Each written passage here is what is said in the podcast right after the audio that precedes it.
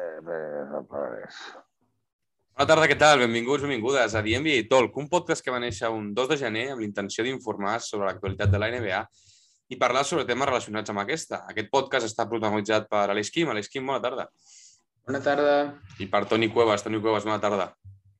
Bona tarda. Però l'esquim és bon dia, no? Bueno, no, sí. també és bona tarda. No, bona tarda, bona tarda, són les dues. Bona tarda, també, sí. Bueno, bona tarda, bona tarda. Bueno, tornem després d'aquest del pont, d'aquest petit peron que hem tingut NBA, no? Nos- Nosaltres sí. Però per on, sobretot, tu, que has anat a Grècia a animar el Panathinaikos? Doncs sí, doncs sí, la veritat és que sí. Per tant, comencem, comencem a agafar el ritme una altra vegada de nou. En primer lloc, parlem, no sé, de Michael Porter Jr. Quina llàstima, quina putada és d'aquests jugadors que, que ja hem parlat moltes vegades, tipus Luke Kennard, uh, tipus Davis Bertans, que firmen a l'atracón de la seva vida, 200 milions 5 anys, va renovar uh, la temporada passada, i ha decidit operar-se a l'esquena, per tant, out tota aquesta temporada, tot el que queda d'aquesta temporada, i veurem en quines condicions torna la que ve.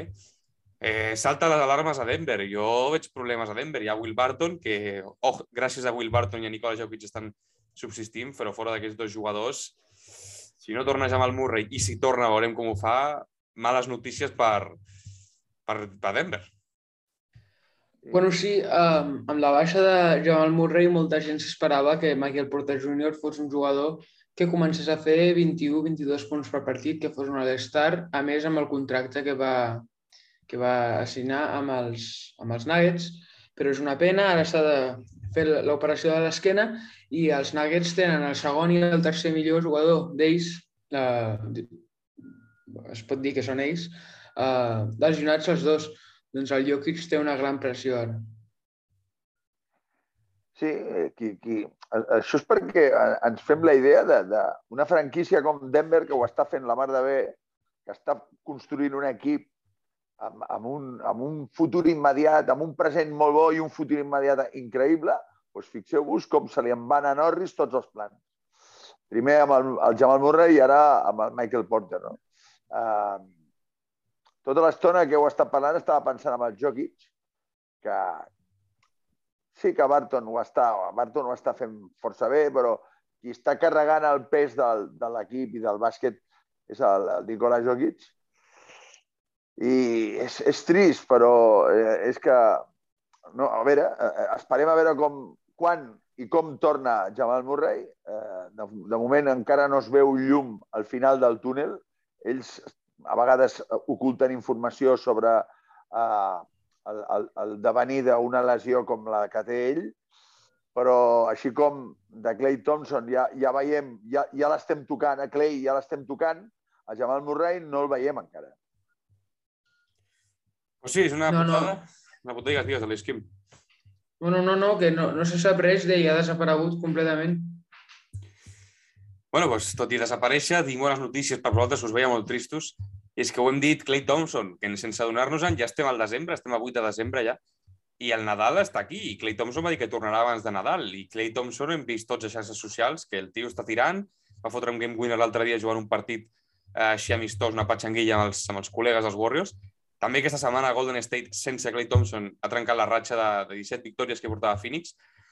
Segueixo parlant, insisteixo molt amb els Warriors. Ojo amb els Warriors. A l'oest estan molt forts en temporada regular i no són el típic equip que no té experiència a playoff. Tenen experiència contrastada, tenen l'aprovat, per no dir l'excel·lent, a playoff.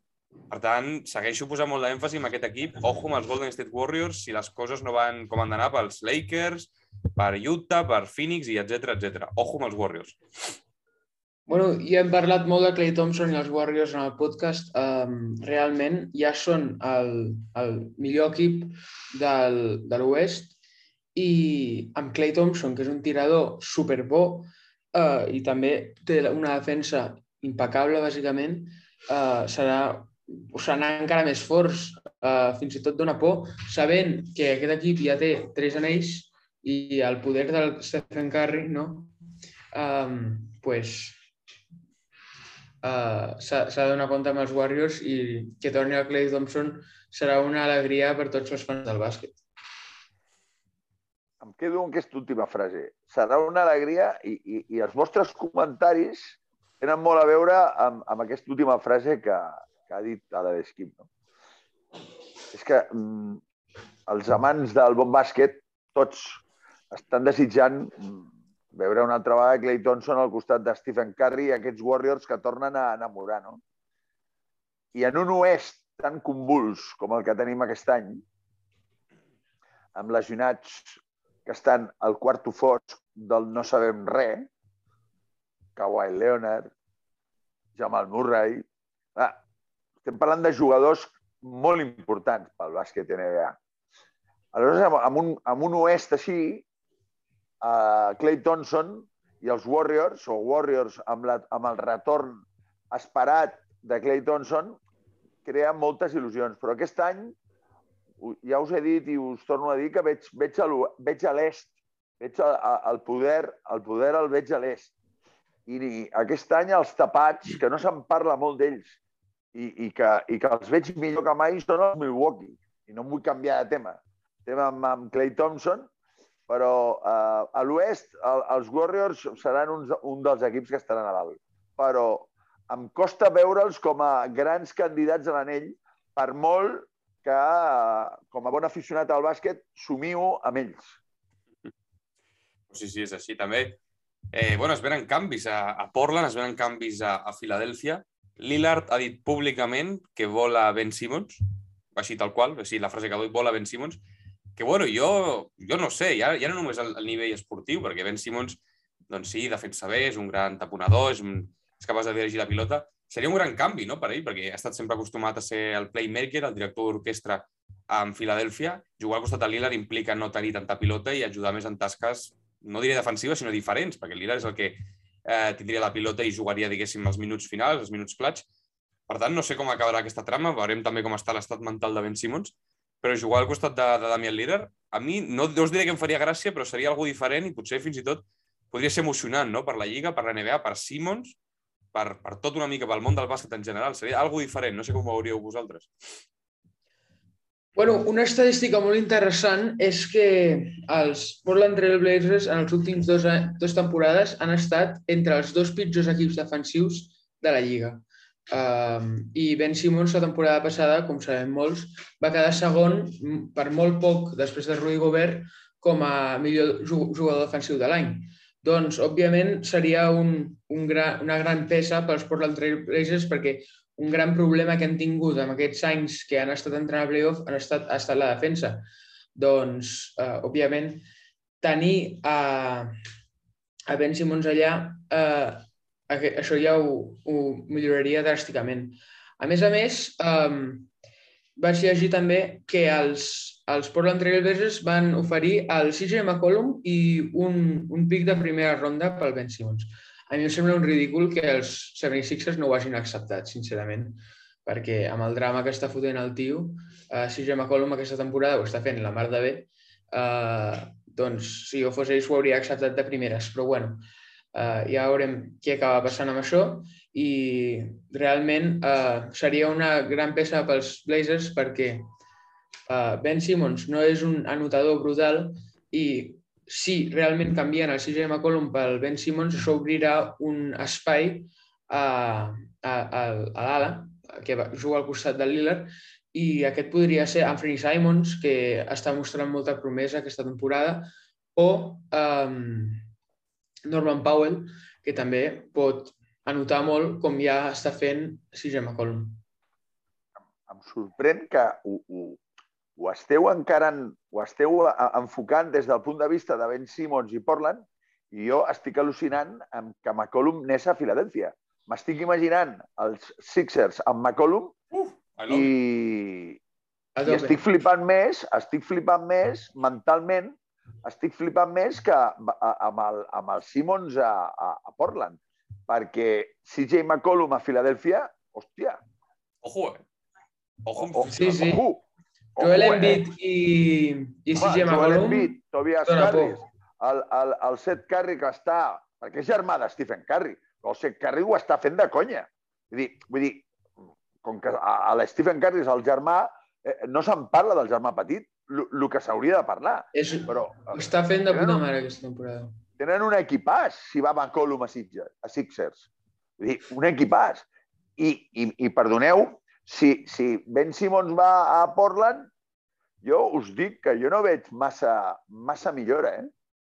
sí que tens raó a l'esquima amb el tema defensiu, però, però no, en línia general no veig, a part de que defensivament potser sí que millorarien, no veig a Portland amb, amb Ben Simmons sortint d'aquest aquest calaix del ni fu ni fa que està instal·lat des de fa, des de fa un temps, no? des de fa uns anys ja. Um, no veig amb la presència de Ben Simmons que això signifiqui... En canvi, sí que veig a McCollum donant-li un salt de qualitat a, a Sixers. McCollum el que no vol és ser l'estrella referència d'un equip. Però aquesta estrella Sixers ja la tenen molt ben representada amb, amb, amb Joel Embiid, no? Aleshores veig a, a McCollum als Sixers i, i estic, uh, estic uh, bueno, saltant, saltant ja.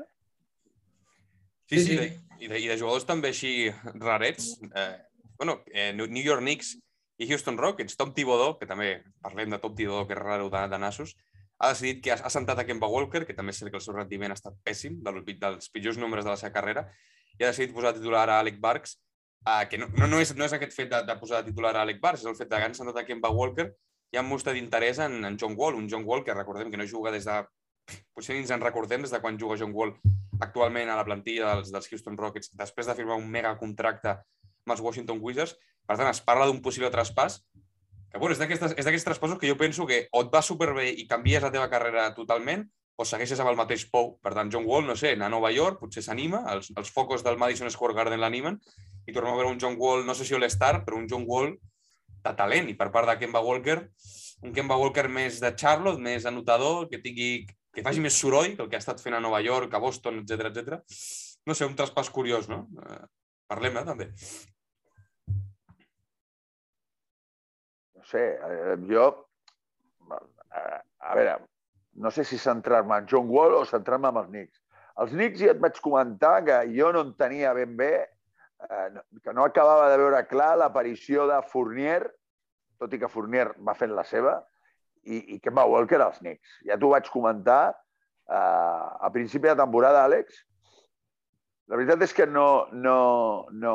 El, el, els Knicks de l'any passat tenien la gràcia que eren pancons, defensivament energètics, feien, li deien tots que sí a, a Tibodó. Clar, ara, què, què, què està fent Tibodó? Fitxant a jugadors que li diran que no. Perquè John Wall, a veure, John Wall jugarà, sí, i, i llavors el Derrick Rose no jugarà. Clar, clar, clar aquí està la cosa. Ja hi som. Derrick Rose que està a un nivell Ojo. extrem. Un dels fracassos de Kemba Walker és Derrick Rose. Ah, si tu tens Derrick Rose, de, Kemba Walker mm, ha demostrat que amb un equip que aspiri a, a cotes competitives elevades, punxa, perd oli. Bé, total, mmm, si apareix John Wall, què voldrà dir? Que jugarà menys Derrick Rose? Perquè els dos junts no els visiono perquè són dos subons de bola. Um, no ho sé, no ho sé. Jo no, no veig... Uh, no veig uh, uh, amb Clau Houston és canviar a, a John Wall per Kemba Walker. No ho sé, no, no veig millores substantives ni amb l'equip emissor ni a l'equip receptor. Mm, no ho sé. Uh, no ve, veig canvis de, de cromos per futures per, per, per anar movent coses perquè no es digui que no movem, no? Però no millores substancials de plantilla. Sí, sí. Jo estic d'acord amb el Toni, penso que seria un canvi una mica insignificant, perquè són dos jugadors similars, encara que són dos bases, sí, un és molt atlètic i l'altre és més tirador però, i playmaker, però igualment penso que no seria un canvi que beneficiaria a cap dels dos costats.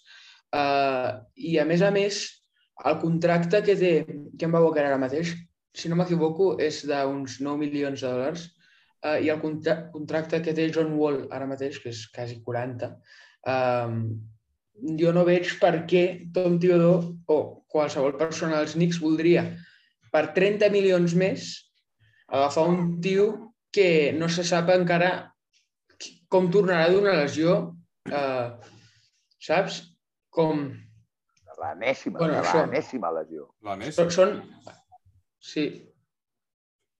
Bueno, serà una sí, incògnita. Sí. Incògnites d'aquestes com la de Kevin Durant, que al final va sortir bé, i altres jugadors que li surt malament. incògnites, com el No, món però no, a veure, a veure, a veure, a veure, Àlex, per favor, protesto enèrgicament. Alerta a l'hora de- de- d'anomenar a, a noms, a, noms a, a la lleugera. Has parlat de Kevin Durant. Vale.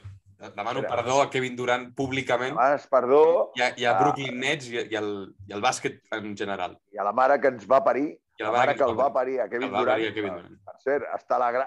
està a la grada animant un fill, jo també l'animaria si fos... M'agradaria ser la mare de Kevin Durant. I a mi. A mi m'agradaria ser la mare de Kevin bueno, Kevin Durant, Kevin Durant eh, és Kevin Durant i té una qualitat bueno, que, que hasta em costa parlar d'ell. Um, bé, és el que diu l'Esquim. Uh, John Wall és, és com aquell trasto de casa que no saps on te fotre'l. On te fots a John Wall?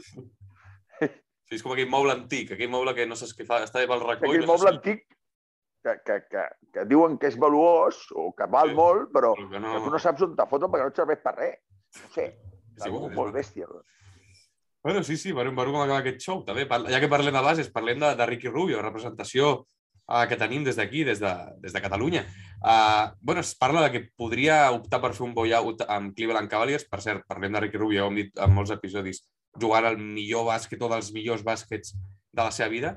Podria fer un buyout i els Warriors podrien estar molt interessats en ell per fitxar-lo i per subtar-lo per Stephen Curry una mica bomba eh, aquesta notícia, no sé com encaixaria Ricky Rubio, perquè Ricky Rubio necessita pilota, no és un tio que sàpiga jugar amb catch and shoot. Sí que ho ha demostrat, però no és la seva virtut principal. Uh, per tant, no sé com encaixaria amb Stephen Curry, però bueno, si els Warriors ho han vist amb bons ulls, serà que algú, una mica de suc, li poden treure amb aquest jugador, no? Curiós quan, quan menja aquesta notícia.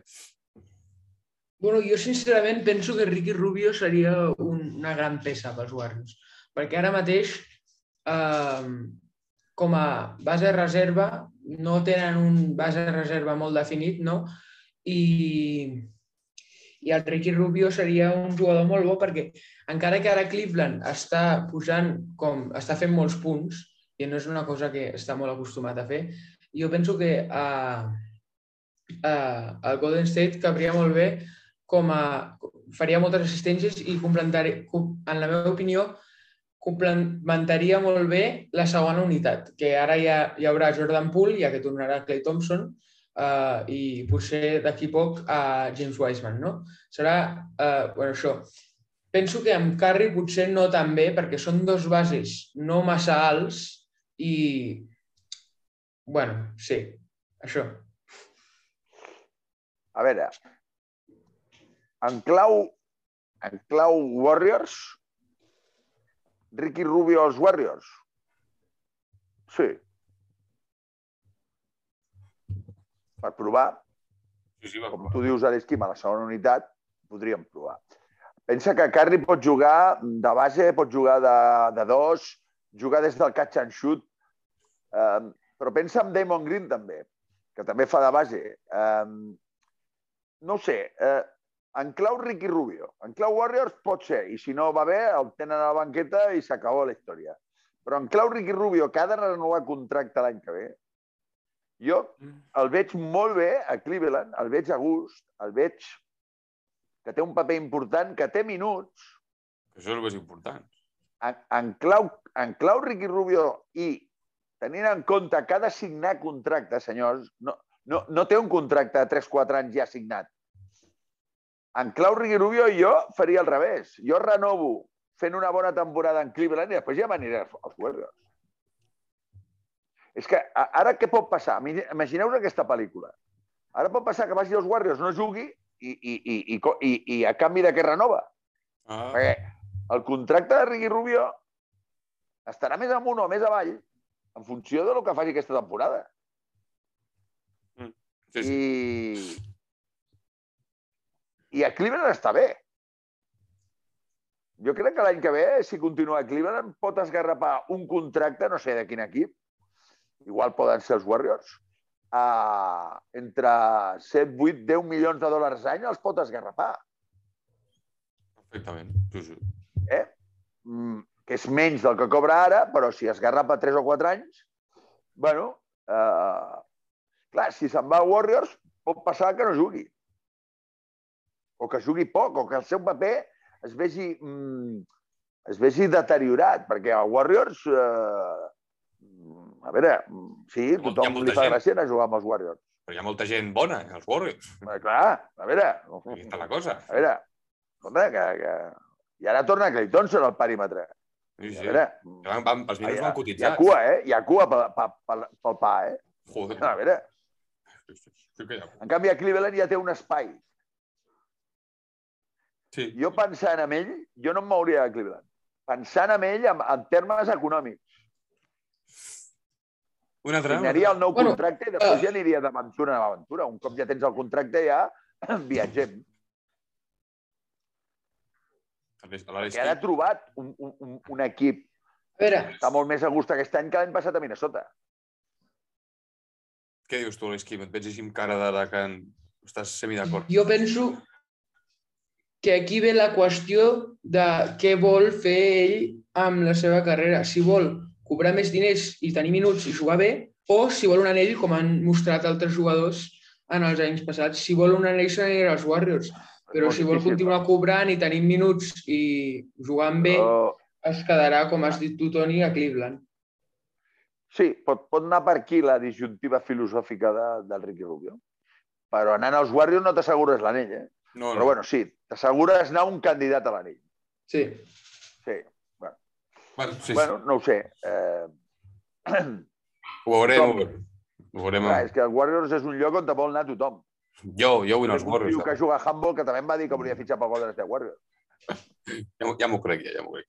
I amb la boqueta petita, així sense adonar-nos-en, de Marcos Cousins aficionat per Milwaukee Bucks. I no n'hem parlat. Un tio que té 31 anys, un tio que tots el coneixem, que quan estava a Sacramento, doncs, doncs podríem dir perfectament abans que arribés Joel Embiid, que era el millor pivot de la Lliga, amb números de 27 eh, punts, 11 rebots per partit. I les lesions, eh, les coses, el sobrepès i bla, bla, i tots aquests problemes que arrossega la carrera de Marcus Cousins l'han fet arribar a Milwaukee. Brook López no està, està de Marcus Cousins. Veurem quin paper té. Els Warriors va, va jugar un, en unes bones finals, va jugar va un bon paper playoff.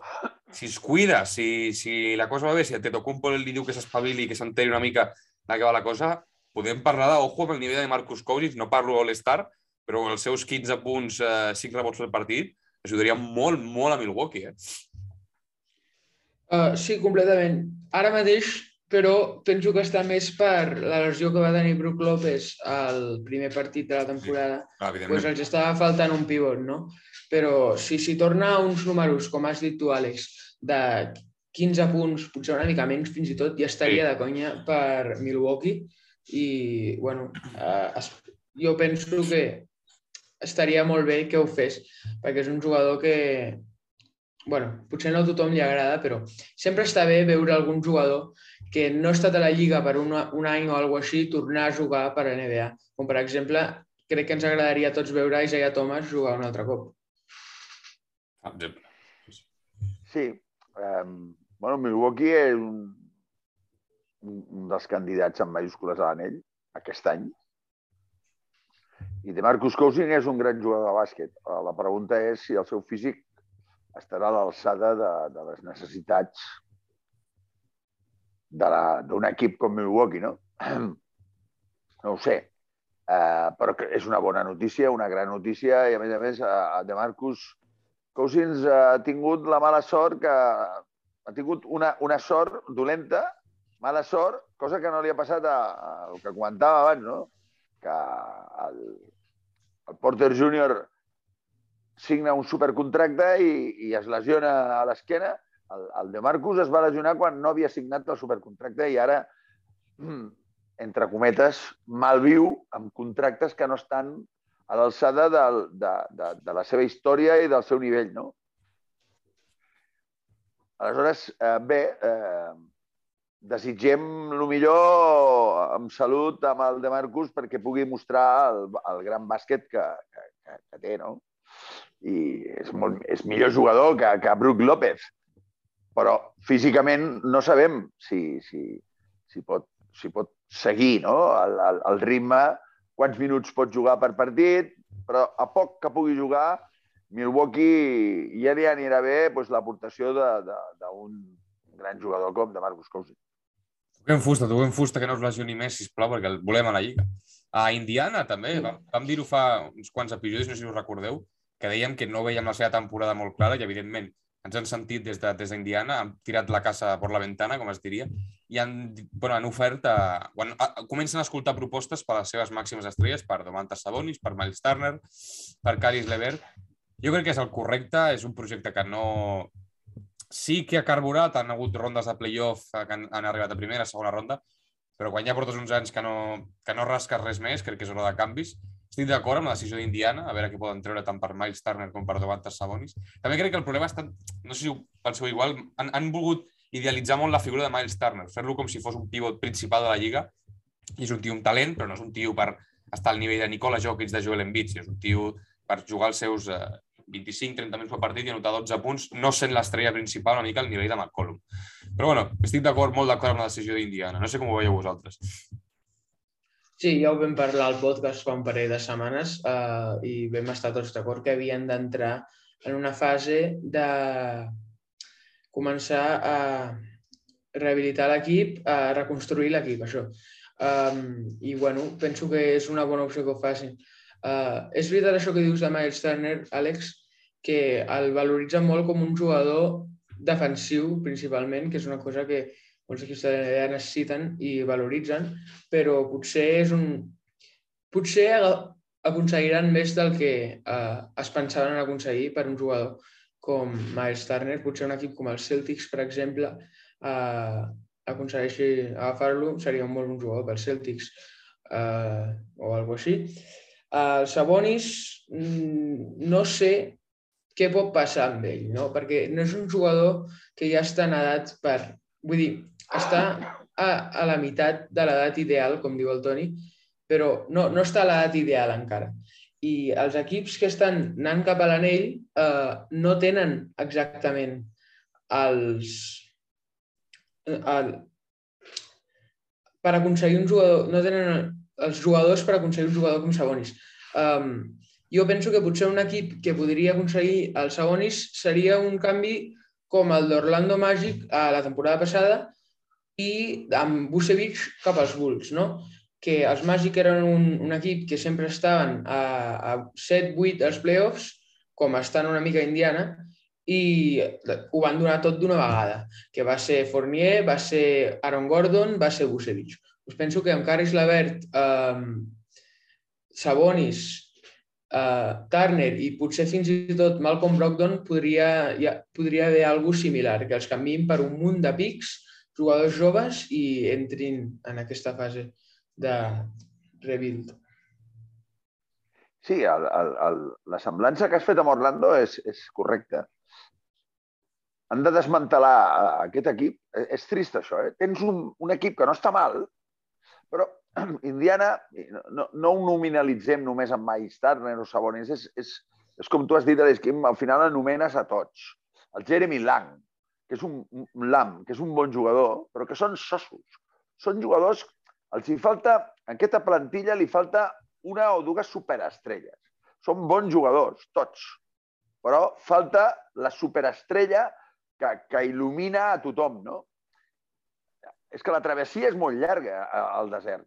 Clar, tu dius, bueno, uh, canviar per pics. Això vol dir iniciar una travessia superllarga que no saps on et portarà i quan. Vale? Sí. Per tant, eh, fa... Jo estic ara a Indiana i em faria molta mandra iniciar això que esteu dient. L'equip d'Indiana actual és com a molt per arribar en primera ronda de playoff. Tirant coets. I com està l'est, i tal com està l'est... Mmm... I dona gràcies. Ho tenen fut... Està just hasta això. Eh, però és que veus que en aquesta plantilla no pots aspirar res. De, de fet, és una plantilla que no il·lusiona, eh? són sossos. Els veig jugar i són sossos.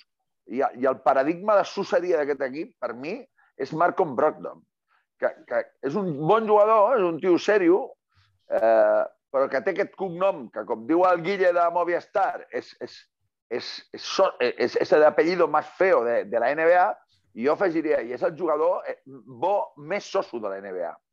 Aleshores, eh, Indiana no té gràcia. Llavors, iniciar una travessia en el desert a canviar jugadors per pics, buah, uf, uf, uf, quina mandra. Sí, sí, però què més, què més farien a part d'això, no? Uh, Sí, no, no, no, és que eh, no, no, no hi ha un altre, a veure, o, o, et, o et Sí. quedes amb el que tens eh, sense esperar grans coses, o te'n vas a el que ha fet Houston, mira, i, i, i vinga, i acumulant derrotes, o, o Oklahoma, que l'altre dia va perdre de 70, o, clar, el que han fet aquests equips, no? Que vinga gent jove, Pix, el, el, el número tal, sí, però aquests. O, o Detroit, no? Vale, sí, fes-ho, però mires el que han fet els equips eh, que han seguit aquesta línia i la, la, la vida és dura, eh? La vida és dura a la NBA, senyors. Sí. I ara que has dit això de la, de la pallissa, uf, quina pallissa de Memphis a Oklahoma. Memphis que estava sense, sense ja Morant i que, diguéssim, va sortir a jugar un partit doncs, com el que surt a jugar un partit normal, no? I, bueno, va, tota la banqueta va anotar 10 punts. Santi Aldama semblava Michael Jordan, uh, Xavier Thielman també, de, de Anthony Melton. Tothom, tots els jugadors semblaven bueno, il·luminats, tocats per una vareta de Déu, i Oklahoma, doncs, molt pobre. Ja, jo entenc que és un equip amb, amb reconstrucció, diguem-li com vulguem, però perdre de 70 en temporada regular, hòstia, hem vist païsses de 40, de 30, però de 70 punts, uf, crec que és... Bueno, és, és... es va donar la, la tempesta perfecta. Sí, sí. Sí, clar, clar. Sí. Era un back-to-back, si no vaig equivocat. No estava el millor jugador d'Oklahoma. Eh, és un equip jove que ja va just... Bueno, es va... I, i, I Memphis és un equip molt més solvent del que sembla. Alerta! Recordo un cop més en aquest, en aquest podcast. Ojo a Memphis. Ojo Memphis. Sí, sí. I sense el Jamoran, eh? Que no, va guanyar sense Jamoran, eh? No, I sense guanyant. I un dels, guanyant. dels, una de les superestrelles. Això sí que és una superestrella. A Indiana no tenen un jugador com Jamoran. Malcolm Brogdon i Jamoran és la diferència entre una superestrella i un molt bon jugador. Pues sí, sí. sí, sí. Sí, Bueno. Pues tanque, tanquem l'episodi aquest amb aquesta mega païssa que hem comentat. Esperem que no es torni a repetir pel bé de, dels aficionats a NBA i pel bé de les persones que van pagar una entrada per anar a veure aquest partit, perquè tu vas a un partit i, perds, i, i veus que el teu equip perd de 70 o que el teu equip guanya de 70 a l'altre equip, i hòstia, doncs potser millor anar-te a veure un partit del mini de, de qualsevol equip aquí de, de club, no? No sé. Però bueno, molt Sí, bé, hem repassat una miqueta tota la, la setmaneta i mitja de la NBA. Aquest diumenge també hi haurà episodi. Per aquesta setmana hi haurà dos, dos episodis. Toni, Alex Kim, gràcies per acompanyar-me. Gràcies. Moltes gràcies a tu, Àlex. I a, i sobretot a les persones que ens escolten eh, dia rere dia també per donar-nos el, el seu suport. Per tant, una abraçada i ens veiem al proper episodi. Adeu.